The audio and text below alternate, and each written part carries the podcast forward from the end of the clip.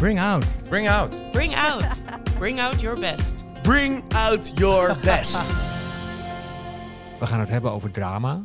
Dat willen we natuurlijk allemaal niet in ons leven. Toch hebben we het. Ja. En gek genoeg vinden we het ook nog leuk om naar te kijken. Dan heb ik het over soapseries bijvoorbeeld. Goede tijden, slechte tijden. Het hele leven bestaat eruit. En goede tijden, slechte tijden al 30 jaar geloof ik. Meest bekeken programma. En dat vinden we heerlijk om naar te kijken. Heerlijk. We vinden het eigenlijk ook soms ook heerlijk om in drama te hangen. En drama is natuurlijk ook afschuwelijk. Ja. Ja. Waarom vinden we het lekker om in drama te hangen? Ja, het is lekker omdat het zeg maar ook een...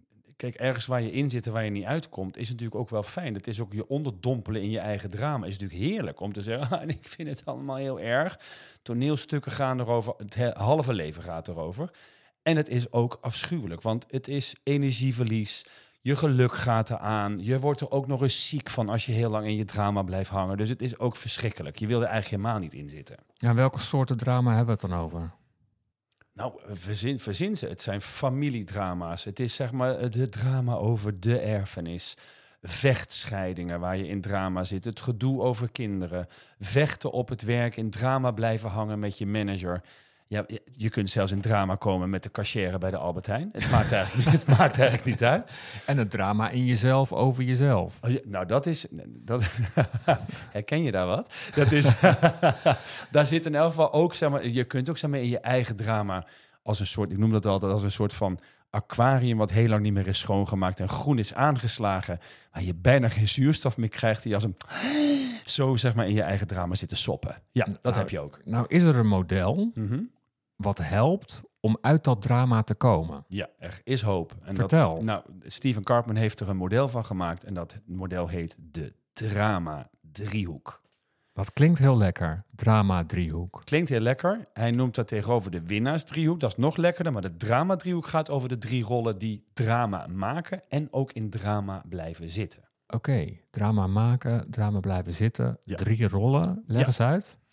Nou, hij, meneer Karpman geeft aan, je hebt in die hoeken van die driehoek heb je allereerst het slachtoffer. Dus dat wil niet zeggen dat je helemaal slachtoffer bent, maar je gedraagt je als een slachtoffer. En hoe gedraagt een slachtoffer zich? Eh, ik kan er niks aan doen. Het is me overkomen. Ik ben trouwens ook niet bij machten om eruit te komen. Ach en wee, dit is mij aangedaan. En ik lustte al geen fruit. Zoiets. Dus heel, heel, heel mensen die op vakantie gaan in zo'n hutje terechtkomen waar ze eigenlijk niet in willen zitten en denken: dit is mij aangedaan. De wereld heeft hierover nagedacht. Dit doen ze expres. Dat is het slachtoffer. Lijkt me een vreselijke rol om in te zitten. Is een verschrikkelijke rol. Maar ik, ik herken het ook. Er is, het is niet fout als je erin zit. Niks is fout. Deze podcast gaat niet over wat fout is, maar het gaat wel over wat is effectief en wat is niet effectief. Oké, het is een duidelijke rol. Welke rollen zijn er nog meer? Nou, de andere rol die in die drama-driehoek, dus in die andere hoek, daar zit de aanklager. En nou ja, als je daar zo eerlijk over jezelf bent, dat is de rol waar ik wat vaker in zit. En de aanklager klaagt aan. Die legt de schuld bij de ander en doet dat ook nog wel eens op een agressieve manier. Zit weinig empathie in. Dat is degene die zegt: Jij had eerder moeten komen, jij hebt het niet goed gedaan, het is jouw schuld. Een beetje een strenge mevrouw of meneer. Eh, zeker. Het kan soms ook gewoon heel gedecideerd zijn. Dat hoeft niet altijd streng, maar het is in elk geval wel... Het komt door jou en je legt het buiten jezelf. Dus die klaagt echt de ander aan voor de situatie die is ontstaan... en neemt dus zelf geen verantwoordelijkheid. Oké, dat is de aanklager, Mhm. slachtoffer. Dan is er nog een derde rol. Ja, slachtoffer, aanklager en de derde is de redder. En de redder, dat is het rolletje wat zeg maar heel erg goed is het drama in stand te houden. Oké, vertel. Nou, de redder die, die is er voor de ander. Dus die zorgt voor de ander. Dus die maakt eigenlijk het drama van het slachtoffer groter. Oh ja, wat erg. Dat is erg. Oh nee. Zo. Of als iemand zegt, ik heb dorst, dan gaat de redder gelijk een glas water voor je halen. Dus die denkt, joh, jij bent zelf niet bij macht om een glas water te halen. En die zit de aanklager eigenlijk ook nog eens te voeden in zijn aanklacht. Dus die gaat het niet oplossen, maar die blijft het zeg maar voeden. Dat is de machine, de olie van de drama-driehoek. Ze doen het alle drie, maar de redder is heel goed om het nog eens extra aan te zetten bij de ander. Je hebt nu drie rollen omschreven. Is het nou zo dat ehm, een persoon, ik bijvoorbeeld, altijd in het, in het leven in één rol zit? Nee. Nee, je, je hebt een voorkeur. Ja. Dus jij hebt wel de voorkeur voor het slachtoffer. Ik heb de voorkeur voor de aanklager. Ja. Maar je kunt die hele driehoek doorgaan. Ik, bijvoorbeeld een, een vriend van mij, die eh, is een ontzettende redder. Dus die wil de hele tijd mensen redden om hem heen. Dus dat er, er gebeurt iets en hij gaat al iets voor je doen. Dus dat, dat, dat gebeurt. Heeft hij niet eens in de gaten. Hij gaat dan, dat is zo iemand die zegt: Ik heb dorst en dan gaat hij een glas water halen. Ja. Maar dat trekt hij heel ver door, ook met werk. Waardoor hij heel vaak in de avonduren voor andere mensen werk aan het doen is, gratis. En als dat dan te lang duurt, kan hij in de aanklager schieten. En dan zegt hij ineens: Ja, maar niet iedereen moet denken dat ik hier allemaal gratis dingen ga lopen doen. Nee, dus hij gaat eigenlijk van eh, redder naar aanklager. Na aanklager. Maar, en als je dan tegen hem zegt: Ja, maar even, dat heb je wel zelf. Ja, je hebt het zelf. eh, dat, dan zijn de rapen gaar. Maar dan gaat hij zeggen: Nee, en mensen verwachten dat gewoon van mij. Dus dan komt de aanklager full swing komt eruit. Ja, En dan als hij ziek is en hij heeft griep, dan kan hij opbellen en zeggen: Ik sta altijd voor iedereen klaar. En nou ben ik een keer ziek en dan krijg ik helemaal niks. Dus dan zit hij ineens, woody woody, zit hij ineens in zijn slachtofferrol. ja, Dus je kunt de hele, je kunt de hele driehoek door. Ja. En dan hoor ik jou zeggen, ehm, je hebt een voorkeur. Hoe ontstaat dat dan? Of kan je daar meer over vertellen? Ja, hoe de voorkeur ontsta- ontstaat is dat, dat je hebt vroeger ooit een rol aangenomen die gewerkt heeft. Onbewust. Ja, als je onze andere podcast luistert, leer je waar dat vandaan komt. Dat hersenen zeggen, dit werkt. Dus in dat drama gaan zitten waarin je in elk geval... Want elke rol, waarom je de rol doet... is dat je geen verantwoordelijkheid hoeft te nemen voor de ontstaande situatie. En dat is soms lastig voor ons. Want dat, dat willen we soms niet nemen of we willen dat soms niet zijn. Dus kiezen we voor drama, waardoor het in geval niet bij ons ligt. Ja. En dat is prettig. Tom, kun je nog een voorbeeld geven? Want je hebt dat nu denk ik wel duidelijk uitgelegd. eh, over die drama-driehoek. Wat gebeurt er nou? Wat zijn die rollen en hoe werkt dat nou uit de praktijk? Ja, ik kan een rollenspelletje doen. Dus stel je voor, je zit in een vergadering en een project en het project is niet af. En de projectleider die, die, die zit in de slachtofferrol en die zegt... Ja, maar ik heb gewoon heel erg druk gehad. En mijn kinderen, die waren allemaal ziek. En ik heb migraine gehad. En die zit daar helemaal in en die gaat geen verantwoordelijkheid nemen. Dan kan de aanklager kan zeggen... Ja, daar heb ik helemaal geen reet mee te maken met dat je dat allemaal niet af hebt. Maar dit was de afspraak en je hebt het niet gedaan. Dus ook al zijn je kinderen ziek en heb je migraine... de enige reden waarom je het niet af hebt kunnen krijgen... is omdat je of een kind aan de baren bent of dat je dood bent. Dat zou zeg maar de aanklager kunnen zeggen. En de redder kan dan zeggen... ja, maar doe nou niet zo ontzettend vervelend tegen Anja... of tegen, tegen Lodewijk. En eh, dan zegt de, de redder, die zegt dan... god, gaat het, gaat het met je? Heb je een aspirintje nodig? Dus daar blijft zeg maar... in de rol wordt er niks opgelost... omdat geen van drie de verantwoordelijkheid neemt. Oké, en stel, hè, deze, deze drie mensen die luisteren op dit moment de podcast en die komen erachter van, hé, hey, wij zitten met z'n drieën in die drama-driehoek. Ja, Wat levert het ze dan op? Wat heb ik er eigenlijk aan? om in die drama driehoek Nou, te om er zitten, bewust van te worden van het feit dat je erin zit. Nou, om eruit te komen. Dus het enige wat handig en lekker is aan, aan te realiseren dat je in een drama-driehoek zit of in een drama zit, is zodat je de keuze kunt maken om eruit te gaan. Want Nou, als je het niet herkent, kan je er niet uit. Nee. Oké. Nou, vertel maar dan, Tom. Hoe je eruit komt? Hoe komen, hoe komen we eruit? Nou, er zijn drie stappen. Het is eigenlijk vreselijk makkelijk. Het eerste moment is dat je je realiseert, ik zit erin.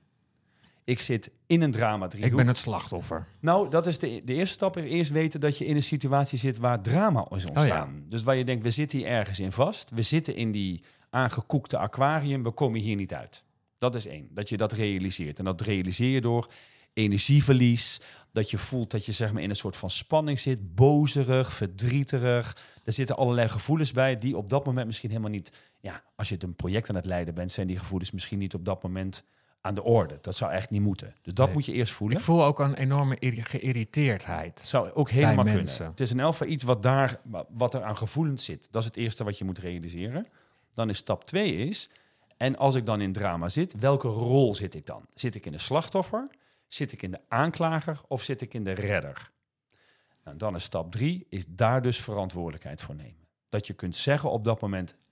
Wacht, sorry Koos, ik zit op dit moment in de aanklagersrol. Ik ben jou aan het aanklagen. Maar wat ik eigenlijk wil zeggen is, ik voel me hier zo en zus en zo bij. En ik zou het liever niet willen, zodat je assertief gaat zijn als aanklager over waar je eigenlijk voor staat en wat je wil. Zonder dat het agressief is en de ander de schuld geeft.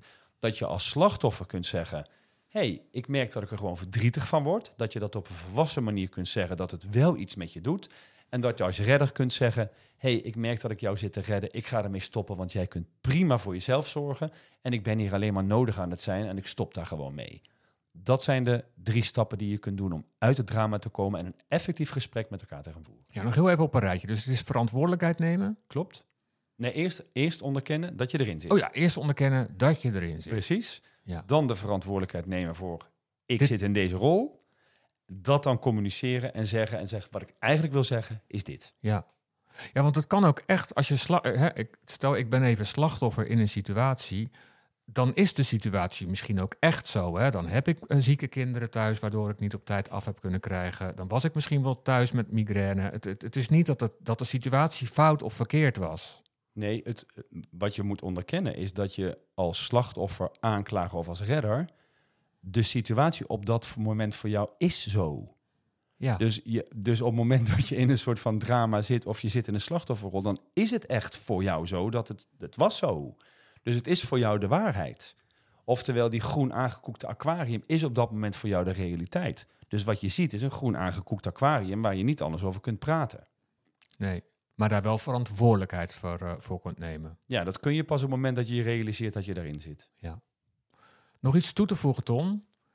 Aan Eh, deze aflevering over het drama en de drama-driehoek? Nee, ik denk dat het, dat het lekker is dat je... Ja, wat, wat ik wel toe te voegen heb, is dat je op sommige momenten... dus in je familie, in je relatie, op het werk...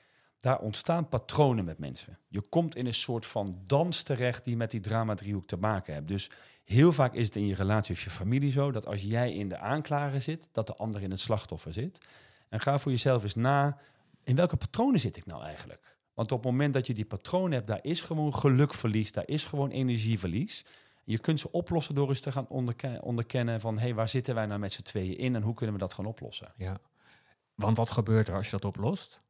Je krijgt energie, Hey. er komen nieuwe ideeën vrij. Ik denk dat je er echt gelukkiger van wordt.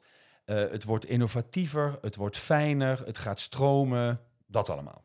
Ja, je gaat weer van mensen houden, denk ik. Dat, dat is dan ook zeg maar een heel, heel mooi bijkomstig effect. Liefde. Liefde. Leuk dat je luisterde. Vond je dit nou een waardevolle podcast? Geef ons dan 5 sterren op jouw favoriete podcast, podcastplatform. Moeilijk woord. En dan hoop ik dat je de volgende keer er weer bij bent bij Bring Out Your Best en los al je drama's op.